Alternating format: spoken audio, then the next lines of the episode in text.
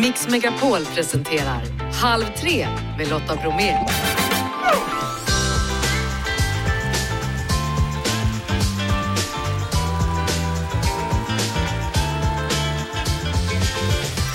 Hallå där och varmt välkommen in i Halv tre-studion. Idrottsgala ikväll med Jerringpris och allt det andra. Pernilla Wiberg är den som programleder. Stickning, populärare än någonsin och jag som inte ens vet hur man avgör vad som är rätt eller avig. Anna Hedemo är dagens gäst, vi kollar in hennes sanning. Ny skatt på läsk ska få oss att förbättra vår hälsa. Och så kollar vi av vilken av familjerna Bohuslän då som ska med på Mix Megapols fjällkalas. Känn er riktigt varmt välkomna. För ganska många år sedan så tog jag hand om förgalan till Idrottsgalan. Och den tv-sänds ju inte då, men den ska ju ändå vara lite underhållande. Men hur då? Jag minns inte riktigt hur jag gjorde, men vad jag minns är att jag bjöd upp en på scen som heter Pernilla Wiberg. Hej! Hej Lotta! Vad var det jag utsatte dig för den gången, minns du? Oj, nej det här måste ju vara då, var det den första galan vi sände 2000? Så kanske? kan det ha varit. Ja, för jag har inte varit på jättemånga galor, det måste jag faktiskt erkänna eftersom det är mitt i vintern och som aktiv så var man ju upptagen. Men förmodligen var det någon typ av trickfråga eller någonting som skulle vara roligt. Och du, för mig är du en människa som alltid, du bjuder ju på dig själv. Ja, ja, det måste man ju göra, eller hur? Ja. Om man inte kan skratta eh, åt sig själv eh, och om sig själv, alltså vad ska man skratta åt då, tänker jag. Jag har inga problem med det. Ikväll då så är det du som ska leda den här galan, den stora galan Ja. tillsammans med Måns Zelmerlöw. Idrottsgalan. Precis, och när du säger Måns Zelmerlöw, först så vart jag så här jättenervös, men när du säger Måns Zelmerlöw, alltså vem blir inte trygg av att stå bredvid honom? Va? Han har ju hållit i Eurovision Song Contest, Melodifestivalen i Sverige, så att, äh, men det känns faktiskt tryggt. Det här ska bli kul. Du är annars ganska restriktivt med tv-framträdanden. Hur väljer du då? Vad du vill göra? Ja, men för det första så är det väl där man får frågor om, då var jag expertkommentator, det var jättekul och jag tycker att jag har utvecklat mig själv där och så kom liksom Vinterstudion. Så att det, det ena har liksom lett till det andra och jag har egentligen aldrig sökt något tv-program utan de har bara trillat på mig på något sätt. Ja, för jag vet att du tackade nej till något fågelskådningsprogram. Vad var det som, Ja. varför, varför åkte du inte på det? Ja, ja, det har du ju helt rätt i. Jo, det finns, och, eh, jag tackat nej till Let's Dance och eh, Masked Singer och ja, du vet, alla möjliga program. Eh, nej, men det, det ska passa. Det får inte vara för långt eh, hemifrån. Jag bor ju fortfarande i Monaco.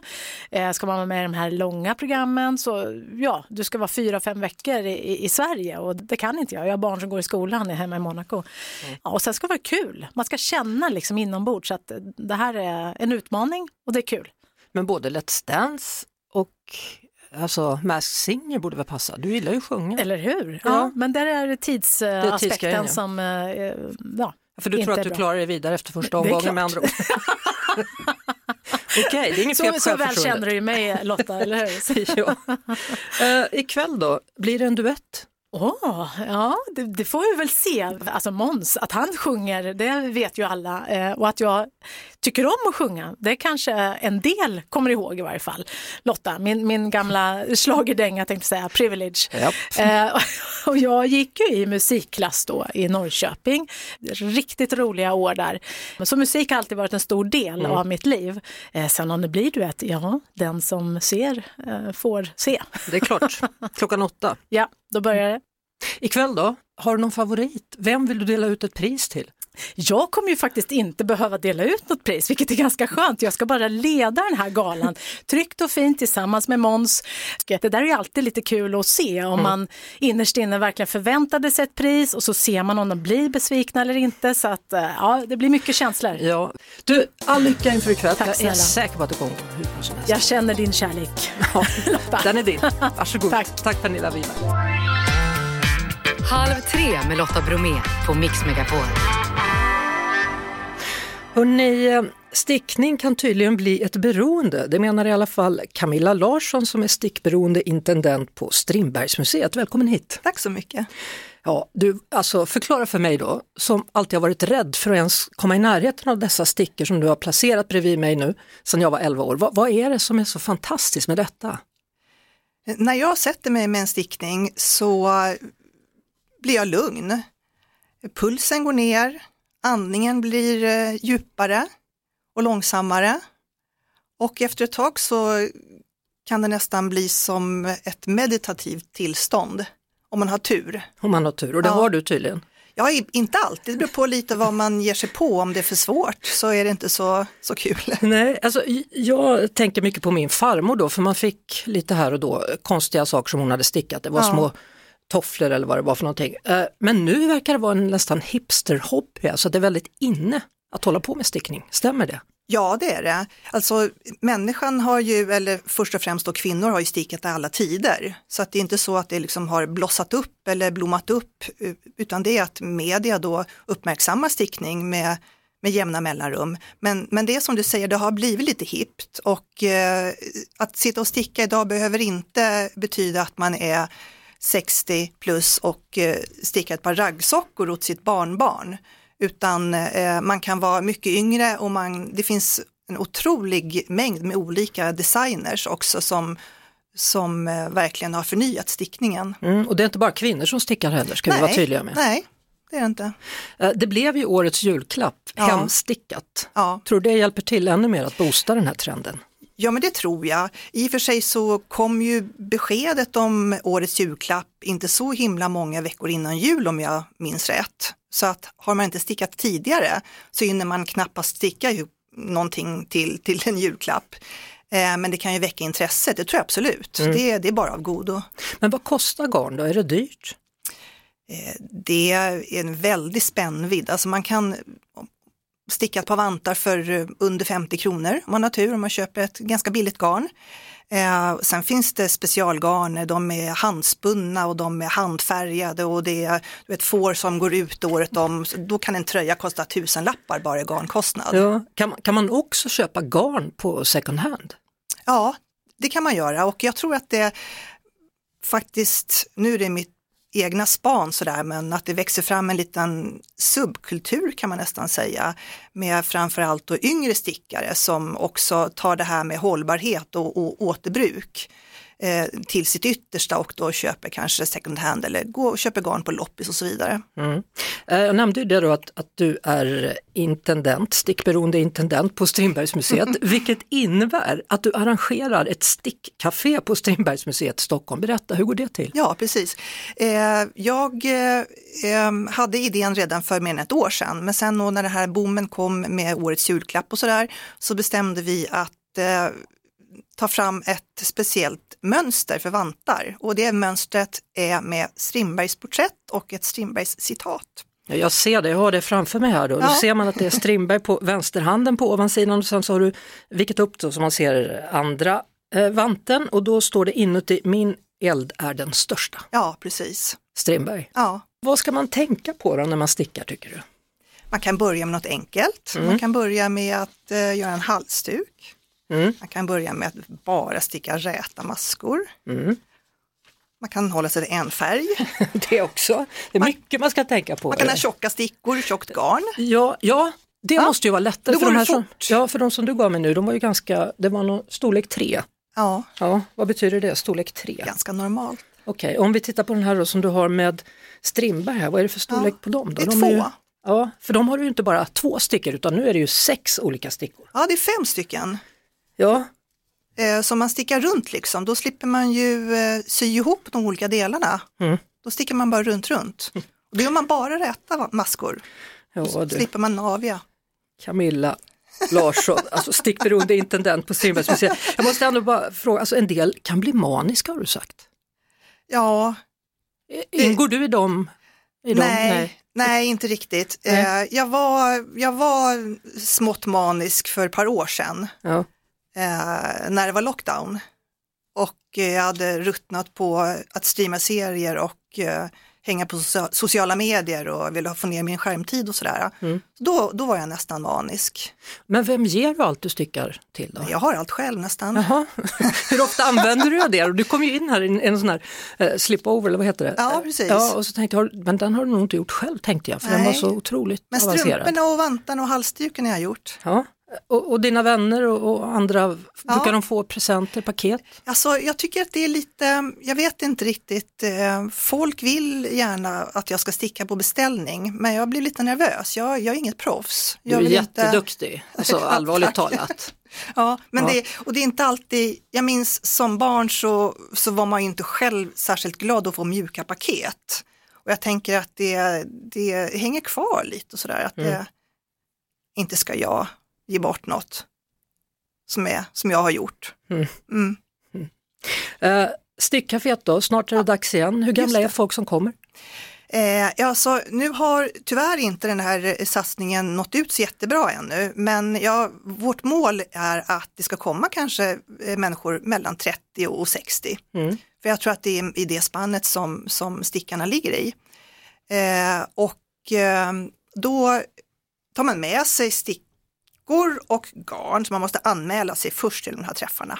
Och sen så har man mönster där eller tar man Så med sig får- något eget? Så får man mönstret på Strindbergs ansikte. Mm. och så sitter man där och så får man vägledning och så fikar man och så snackar man stickning och så har man tillträde till museet, utställningar och sådär. Det är ju super. Mm, jättetrevligt. Stort tack för att du kom hit Camilla Larsson och berättade då om denna stickklubb. Tack, det var roligt att vara här. Välkommen till Halv tre, Anna Hedemo. Tack så mycket. Nu är min sanning-intervjuerna igång igen då. Igår så var det Annie Lööf som satt hos dig och fick berätta om sitt liv. Precis. Mm. Mm. Var det som du trodde att möta henne? Vet du, det är en ynnest att få möta en makthavare som är fri att prata. Och det var hon, tror jag alla upptäckte som såg det här. Det gällde både det privata och eh, också att hon kunde se tillbaka på politiska beslut som hon inte är nöjd med och kan gå tillbaka och tänka jag skulle gjort så här istället. Och det, det är ju det, man vill ju, det vet ju du också, du också intervjuar, man vill komma bakom. Jag tänkte vi skulle kolla lite av, av dina sanningar då, som du lever med. Om vi börjar med den här då. Varje gång som du ser Notting Hill eller Love actually så ler du lite extra eftersom du har träffat Hugh Grant. Sant eller falskt? Sant. Och då skulle jag ju önska att jag kunde säga, och det var fantastiskt. Men det var det faktiskt inte. Jag tror det var när han lanserade Om en pojke, About a boy. Och då jobbade jag på Aktuellt och då tyckte vår dåvarande chef Helena Ståhlner att vi ska börja göra lite sådana där intervjuer. Och gud, det kändes ju jättestort och han var ju så stor då, det minns du. Alla tyckte han var ju charmig, vilket han var. Han var dock väldigt bakfull när jag träffade honom på hotellet. Och han var inte, alltså han var inte otrevlig, men han var inte så hjälpsam för att han eh, drog en massa avancerade brittiska skämt som jag knappt förstod och definitivt inte kunde returnera. Det blev en helt okej intervju, men jag kan säga att jag var glad att den inte gick live. Men blev du starstruck då? Eller var, tyckte du bara det var jobbigt för att du inte förstod vad han sa när han var så bakfull? Eller? vad? Ja, ja, det var väl någon blandning. Så. När du var liten då, hade du funderingar på att bli journalist? Ja, det vill jag absolut. Jag, jag och min syrra gjorde tidningar, eh, skrev om allt möjligt och prånglade ut till motvilliga grannar. Eh, jo, den där drömmen fanns nog, men jag kunde nog inte riktigt tro att jag skulle kunna. Det var inget självklart, jag hade inga journalister i släkten eller någonting sånt där. Sen varvades det väl med att jag ville bli, du vet, flygvärdinna och skådis och allt möjligt emellan. Men den där drömmen återkom faktiskt. Apropå barndom och annat, orientering hade man i alla fall i skolan då. Det är en sport som ligger dig nära har jag förstått eftersom du har ett extremt bra lokalsinne, är det så? Nej, jag har nog någon defekt faktiskt. Jag har väldigt svårt för att hitta. Och dessutom orienteringarna, då var jag dessutom Nej, men jag minns det där från så femman, sexan. Jag gick väl längst bak och rökte. Och rökte? Ja, gud ja, det gjorde jag då. Det var länge sedan jag slutade med det. Men, nej, men jag, var, jag var inte en sån här präktig unge. Nej. Nähä. Mm. Men har du bra lokalsinne? Nej, Lotta, hur- hur- ska du vrida om kniven ännu mer? Hur hittar du hit idag då tänker jag? Nej, jag, ni ordnade ju en taxi så att det löste sig. Men vad- vad- när har du gått vilse som allra mest? Nej men till, det svåraste för mig det är om jag åker in och parkerar i ett parkeringshus och sen försöka hitta bilen efteråt. Tar ibland bilder på nedgångar och uppgångar och sådär. Så att jag, eh, jag har svårt att förstå att jag kan komma ut ur en byggnad på ett ställe lika väl som på ett annat. Då förstår inte jag att det är samma, alltså jag får inte ihop det. Jag går fortfarande vilse i tv-huset faktiskt. Jag bodde i hus tidigare och det, det lärde jag mig faktiskt. Ja. Min sanning heter programmet, det hade premiär igår och programledare då är Anna Hedemo och nu är hon här i Halv tre och vi pratar om vad som är hennes sanning då, Annas sanning. Anna, du anser att det är ett samhällsproblem med plastlådorna man plockar smågodis ut ur i butiker eftersom vem som helst kan föra ner sin smutsiga hand där i och därför så ratar du smågodis. har aldrig slagit mig. Nej, jag är inte så basilrädd. Men däremot så är jag väldigt svag då för smågodis. Speciellt när jag storhandlar så blir jag så trött och så känner jag om jag ska orka ända hem och lyfta ur grejerna och in i kylan, du vet alltid, måste jag ha lite smågodis. Ja, men Mm. då är du inte hungrig när du kommer hem och lagar maten å andra sidan. Nej, det förstör aptiten, jag håller med om det. Ja, men, men, men alltså, hur stort behov har du av smågodis på riktigt? Eh, Stort. Men jag försöker då hålla det nere, men det är nog, ja, det, det är gott. Hur var du som barn? Jag var väl ganska genomsnittlig som barn, lite blyg när jag var liten. Sen så var jag ju mest i stallet. Även där kunde man röka. Pluggade sådär tillräckligt för att jag höll mig på rätt sida. Dina barn är vuxna nu? Mm, 30 och 33 och jag har ett barnbarn också. Jaha, Mm. är du mormor eller farmor? Mormor. Mormor, Mm. hur var det? Det är fantastiskt. Det är overkligt. Kul. Ja. Jag ska faktiskt hämta henne på förskolan här idag. Blir det bonus det där? Jag hade inte tänkt så mycket på det. Jag, jag tillhör inte de som har gått och längtat eller väntat eller så. Men sen när det hände så det är en liten kärlekschock faktiskt. Så, så vad tror du, är du bättre som mormor än vad du var som mamma eller var du bra redan då? Nej men jag har varit rätt okej mamma tycker jag. vad, vad har du haft som ledstjärna som mamma? Nej, men jag har legat i rätt mycket. Jag får ju frågan ibland, har det inte varit jobbigt med ditt jobb och familj? Jag har aldrig känt att jag behövt välja, men jag också fick barn med en man som tog självklar del. Eh, I fredags så var det fredag den 13. Jag antar att du bokade biobiljett till någon läskig skräckfilm. Du vet att jag inte ser skräckfilm. Jag är inte skrockfull så jag bryr mig inte om det där med fredag den 13. Gud, man får inte säga sånt. Men jag gillar inte skräckfilmer. Jag blir rädd och det ska man ju bli, jag fattar det. Problemet är att jag sen bär med mig den där rädslan. Jag vågar inte åka ut till min lilla stuga ensam och det tycker jag är handikappande. Jag vill inte bli rädd. Men vad är det för film du har sett som, som har satt sådana spår då? Det är så länge sedan, det kommer jag inte ens ihåg. Men det finns ju massor med filmer där en kvinna kommer in i ett mörkt hus och så plötsligt så står någon bakom en dörr. Sådär. Sånt sätter sig i mig. Många finner ju njutning och blir rädd, jag gör inte det. Nej. Om du pratar rädsla i, i vardagslivet då, vad, vad kan skrämma dig hos världsbilden? Jag eller skräms hur- väldigt mycket av kriget i Ukraina. Hela världsläget nu tycker jag är skrämmande. Det är oerhört nyhetsintensivt och då kan man ju säga att jag jobbar ju, när jag inte gör min sanning så jobbar jag ju med Agenda och Aktuellt ibland och det har ju sällan känts så nödvändigt med samhällsjournalistik och nyhetsrapportering. Men det, är- jag skulle ju hellre vända på det där. Vi pratade ju förut om ditt dåliga lokalsinne. Vi kan använda den som en metafor för livet också. Då. När Mm. känner du att du gick vilse någon gång i ditt liv? Jag är ganska eftertänksam, jag är nog rätt så snabb i, sådär, i tanken och repliken men jag, jag grundar ganska mycket över livsval. Jag gör inte någonting förhastat. Men, men är du också sån då att när, när du väl har gjort ett livsval att du kan släppa det? Eller sitter du och undrar, gjorde jag rätt? Nej, jag tycker nog att det där långa ältandet och också ibland ta hjälp av mina nära vänner och sådär. Så tycker jag nog när jag väl har bestämt mig så känns det så grundat. Det tycker jag funkar bra men det är ganska jobbigt ältande innan. Anna Hedemo har inga problem med att springa ikapp bussen på morgnarna för du var ju snabbast på 60 meter i skolan när du gick i sexan. Lotta, det är hundra år sedan. Jag var jättesnabb på 60 meter. Hur snabb? Jag var med, nej men åtta? Åtta är bra. Jag tror faktiskt jag kom ner på åtta där. Ja. Och jag var med i liksom stafettlaget. Jag var inte snabbast, eh, det var väl någon kille som var snabbare. Men inte nu för guds skull. Eh, Jag springer knappt alls, jag gillar inte att springa. Så du jag är ingen motionerar du? Ja, men jag går på gym lite grann, men rider mest. Mockar i stallet och så. Är det gymmet Går i tv-huset? Eller? Nej, Jaha. jag har ingen lust att eh, duscha med kollegorna. nej. nej. Vad har du för hund?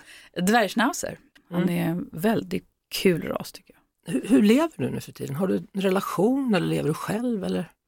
Jag bor själv. Men kärlek, relationer, Ja, de finns. de finns. Mm. Och så säger du inte mer om det. Nej. Det, är så, det är ju intressant det där. Vi, vi som intervjuar andra människor, vi har inte så jättelätt alltid att prata om oss själva. Nej, men om du hade sagt till mig så här, jag vill intervjua dig om ditt privatliv, då hade jag mm, pratat med dig om det. Det är inte det jag har tackat ja till här. Nej, Nej. det har du faktiskt inte. Nej. Däremot ska vi prata om din sanning. Mm. Och du, du var ju sanningsenlig. Du Precis. bor själv och Absolut. relationer finns. Ja, Punkt. exakt. Om du blickar framåt då, nu är det ju de här avsnitten då av Min samling som kommer gå här på söndagskvällarna framöver. Mm. Vad händer sen då? Då kommer det faktiskt ut en bok som jag har skrivit, en biografi om Anette Kullenberg, kommer i april. Vad är det som gör att du är fascinerad av henne? Ja, hon var inte fascinerande med henne, skulle jag säga. Hon var ju först och främst en eh, journalistisk ikon. Jag läste hennes kolumner i Aftonbladet sedan, sedan jag var tonåring. Jag snodde min pappas Aftonbladet och läste. Alltid fascinerats av henne. Hon var korris i Latinamerika och hon har skrivit ett 20-tal böcker och hon var ju väldigt frispråkig och jag är lite svag för sånt. Det är ju ofta så också att om man skrapar på ytan på de som kanske framstår som lite kaxiga och så, så finns det en sårbarhet där under som är ganska spännande att hitta. Det gör det verkligen. Och lite så är det med dig också känner jag. Mm. Nu när du börjar säga att du funderar på dina livsvalelser så känner jag, jaha ja, jag trodde Anna var mer så här, ja, hon vet exakt vad hon vill. Mhm. Nej, gud, så är väl ingen.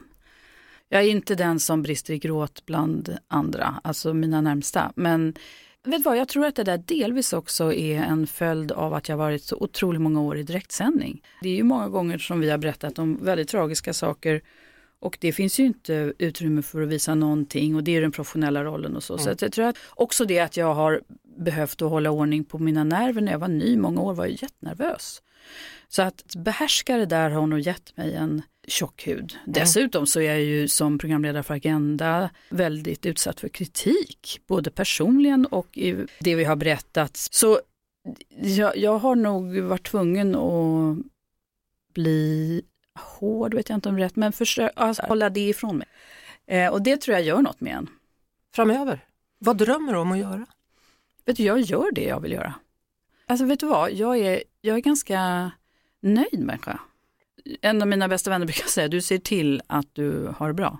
Jag tror jag är lite så att jag, har jag dåliga kontakter och relationer så avslutar jag det och så knyter jag andra band. Och så försöker jag leva som jag har kommit på att det passar mig. Vad skönt. Anna Hedemo, vad kul att du kom hit. Vad kul att vara här Lotta. Halv tre med Lotta Bromé på Mix Megapol. Ni har ju då, ni som lyssnar på Mix Megapol och Halv tre, kunnat gå ut på Mix Megapols Instagram stories och eh, rösta lite grann och då kan man kolla hur ofta dricker du läsk i veckan. 29% säger 0 gånger, 41% mellan 1 och 3 gånger och 12% mellan 3 och 5 gånger och över 5 gånger i veckan skriver 18 Ingmarie Karlström i Kalmar, hallå! Hej! Hej! Vad röstade du på? Jag röstade på att eh, jag dricker nog läsk fem dagar i veckan. Oj, oj, oj. Ska, Ja. ska man vara orolig eller känner du att du har det under kontroll? Jag har det under kontroll tror jag. Ja, dricker du light eller dricker du vanlig läsk? Jag dricker Zero. Ja, och det säger Ja. ju en del då att gör man det så blir man ännu mer beroende av läsk. Man blir väl det va? Ja, jag känner igen mig i det i alla fall. Jag Ja, brukar skylla på att det är mitt sätt, eftersom inte jag dricker kaffe så är det mitt sätt att få i mig koffeinet. Så därför blir det lite sådär. Ja. ja du. Så nu då när man talar här från Livsmedelsverkets sida om att ja, vi kanske ska sätta en lite högre skatt så att folk börjar dricka inte lika mycket läsk längre. Mm. Är det bra eller dåligt? Vad tycker du? ja men det är väl bra. Om inte annat så kanske man kan gå på Zero och light-sidorna kanske mer. eh, För att inte få i sig lika mycket socker. Och då kan jag tala om för dig att då finns det de som är jättemot det där och säger ska du ändå dricka läsk, drick vanlig läsk då för det där andra har både aspartam och annat konstigt i sig. Ja, det kanske det har. Jag vet inte. Nej, jag vill inte läska, lä- läska upp det, på att säga, men jag vill inte lä- läxa upp dig. Jag, jag är precis likadan som du är, jag dricker också alltid light och, och jag fattar att då blir man ju verkligen beroende, eller jag blir det i alla fall. Ja, men det blir man nog. Men eh, som sagt, jag, det känns ändå lite nyttigare. Ja. Men du har inget emot då i alla fall, om de skulle höja skatten här på Nej, läsk? alltså det har jag väl inte. Jag tänker de, de höjer ju skatten för snusarna och rökarna, men lik förbaskat så fortsätter de. Så att jag kan tänka mig att det är väl samma sak här, att även om man höjer så kommer de som vill dricka läsk, dricker väl fortfarande läsk. Mm. Gillar du saft också? Nej, Nej. jag är ingen saftdrickare. Gillar du vatten? Ja, Ja, men, men ska vi komma överens om en sak du och jag Ingmarie? Ska vi byta en läsk i veckan mot vatten istället så kanske vi i alla fall rör, oss, rör oss åt rätt håll, eller vad tror du? jag går med på den. Du går med på den? Ja, Eh, tummen upp då på den. tummen upp. Tack för att du hörde av dig Ingmarie Karlström i Kalmar. tack. Programmet heter Halv tre med Lotta Bromé och nu ska vi prata läsk då som vi alldeles nyss gjorde med en av våra lyssnare. Nu ska vi prata med Åsa Brugård Konde som är nutritionist på Livsmedelsverket. Välkommen till Halv tre. Ja, snart ska ni ju här presentera en utredning då för regeringen som rör ohälsosam mat. Eh, vad är det ni har tittat på för någonting?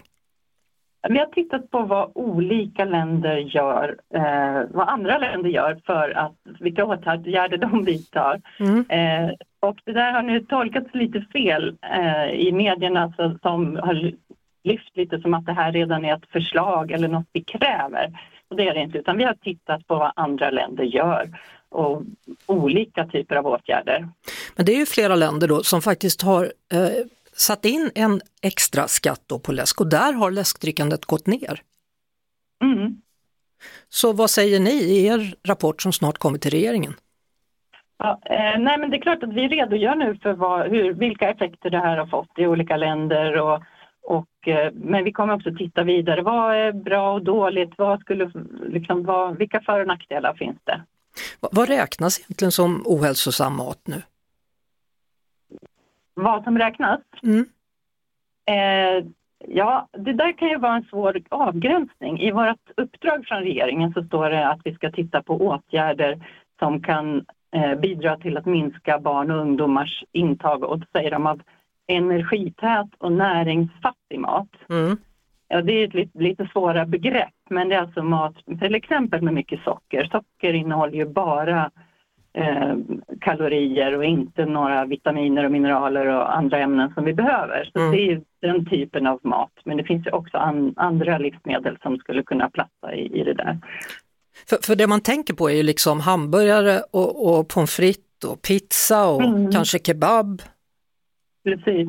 Det finns ju många typer av ohälsosam mat som just, och det är väl, jag skulle säga att det är just sån mat som bara ger en massa kalorier och inte eh, så mycket näring. Men, men, och där är ju själva hamburgaren kanske inte det, liksom det stora problemet men, men många av tillbehören och till exempel pommes fritesen är inte någon hälsomat precis. Mm. Men då får vi se då hur det går för den här läsken då, om den blir dyrare så småningom eller inte då? Ja, eller mindre stöt som det har blivit i England där man då har nivåer där alltså företagen betalar. Det handlar inte om en skatt utan de har en avgift som företagen får betala om de kommer över en viss nivå socker. Och det betyder att om, om de, därför har de sänkt så att det är mycket mindre socker i läsken i Storbritannien. Den har inte blivit dyrare vad vi vet utan det är just att den, in, den som dricker läsk i Storbritannien får i sig mindre socker än den som dricker, dricker samma mängd läsk i Sverige. Det är också ett, en väg att gå. Då. Tack så mycket Åsa Brugård Konde, mm. nutritionist på Livsmedelsverket. Podplay. Mm, Podplay, det är ju där vi har ett program bland annat som heter Lotta och samtalet. Det är jag som då har en möjlighet att få prata lite längre med dem som gästar oss i Halv tre. Och just idag då så släpper vi ett avsnitt med Pernilla Wiberg. Pernilla Wiberg som ju ikväll, det vet ni som har lyssnat på programmet idag, kommer att leda Idrottsgalan. Och eh, när jag satt och pratade med henne så lade jag märke till att hon runt halsen hade ett litet smycke, ett hängsmycke. Det såg ut som någon som åker skidor och precis så var det ju faktiskt.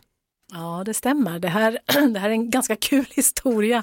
Det är bilden från eh, Salbach VM som jag fick då av, eh, jag tror att det var Östergötlands skidförbund, eh, om jag inte minns fel, efter då VM-guldet. Sen om du tittar i örhängena så är det samma eh, bild fast med OS-ringar. Ser du den? Ja, där är den ja. Där åker i dem. Ja, exakt. Så då fick jag dem efter OS-guldet 92. Uh -huh. Sen har jag en brosch, men den är lite för blaffig. Också mhm. samma uh -huh. som jag fick då efter OS-guldet 94. Men sen slutade de när det blev OS-silver och lite andra VM-guld. De bara, vi har inte råd att göra mer för henne. Vi har ju gett henne så många smycken. Hon har ju ändå bara två öron. Ja, men de här har varit borta i 20 års tid. Och jag trodde att de har blivit stulna i något inbrott som vi hade hade för hundra år sedan. Och helt plötsligt så, ja, nej men så här så att jag bara, var är de där? Och sen så eh, hade jag ett bankfack i Sverige som de skulle sluta, så jag var tvungen att hämta grejer i det här bankfacket. Och där, 20 år har jag trott att de här varit borta, där ligger de. Alltså så himla häftig upptäckt alltså. Ja, ja det förstår jag. Mm. Så, För, så, nu tar du aldrig av dig dem? Eller? Nej, nästan inte. Jag Nej. använder dem väldigt mycket. Men ja. när jag fick dem tyckte ja. jag var oerhört pinsamt. Jag kan inte gå omkring med mig själv runt halsen och i örhängen och sådär. Men det är också någonting som livet och lär en, att bli lite mer, inte så noga och liksom vad jag tycker är viktigt och de nära mig och sen vad resten av mm. befolkningen tycker är inte så viktigt längre. Mm, mm. Säger alltså Pernilla Wiberg och det gör hon i ett längre samtal då mellan mig och henne och det hittar ni alltså på podplay.se under eftermiddagen, kvällen här. Då lägger vi ut det, Pernilla Wiberg alltså i podden Lotta och samtalet. Halv tre med Lotta Bromé på Mix Megapol. Marcus och Martinus de finns ju med oss då när vi är uppe på fjällkalaset. Härlig skidåkning, fantastisk musik på kvällen. Förutom Marcus och Martinus kommer också då Molly Hammar och Arvingarna stå på scen. Och den här veckan då så får du även en ryggsäck från Fjällkalasets sponsor Leksands knäckebröd om det är så att du väljer att vara med att tävla i denna tävling. Ska vi se nu då? Det är Bohuslän som är dagens landskap. Vem blir familjen Bohuslän? Mix Megapols fjällkalas. Mm. Har vi några att välja på här. Jag ska prata med en av dem i alla fall till att börja med. Annie i Grebbestad, hallå där! Hej! Hur är läget? Hallå där! Hej! Det är bra! Ja, regnar det hos dig också som man hör att det gör i stora delar av Sverige? Du, det har varit sol idag och lite molnigt här nu på slutet. Faktiskt lite droppar kom också. Ja, men det är inte så att det är översvämning i källaren och sånt? Nej. Nej, inte än. vad skönt. Va, ja, vad känner du? Känner du att det är höst eller känner du att det har börjat bli vinter och vår snart? Jag får säga lite våraktigt om man får säga så. Visst är det, det konstigt? ibland. Ja, det känns som tiden liksom går baklänges. Nu är nu är snart, ja. eller hoppar framåt kan man också säga då. Eh, Precis. En resa till fjällen, vad skulle det betyda för dig och din familj? Ja, överlycklig. Det är häftigt. Är du bra på skidor? Du, jag har inte åkt skidor sedan jag var tio år och mina barn har aldrig fått åka, eller det har inte blivit så. Och de, eh, det är inte så mycket snö här på kusten så att vi har aldrig kommit iväg. Nej. Nej. Vilka skulle åka då? Berätta om de du tar med dig i så fall. Jag tar med mig min man Andreas och mina två barn, eh, mina yngre barn Elin och Rasmus. Ja. Är Andreas bra på skidor då? Ja, han kan åka, så ja. han får nog lära oss. Han får göra det. För du vet ja. att ni kommer ju få inte bara liksom hyra skidor där då, eller skidorna och alla liftkort och allt sånt, utan ni får ju mat också och så får ni bo i en egen stuga. Wow, wow, ja det är helt, det eh, finns inga ord. Det gör inte det va? Nej, det är så häftigt så det finns inte. Tycker jag ska säga att du har vunnit den? Eller? Jag hoppas det, jag håller tummarna att jag har gjort det. Håll du tummarna, du har vunnit den. Stort grattis Åh, Annie! Tackar, ah, vad roligt. Ja. Snälla. Och då hoppas vi att vi ses när du väl kommer upp i fjällvärlden då med okay. din familj. Ja, ja jätteroligt. Lika bra att du börjar packa med en gång då, för nu drar vi. Ja, jag får göra det. Jag ja. får gå och packa väskan. Hälsa! Hej då Annie! Det ska jag göra. Hej då, tack! Ja!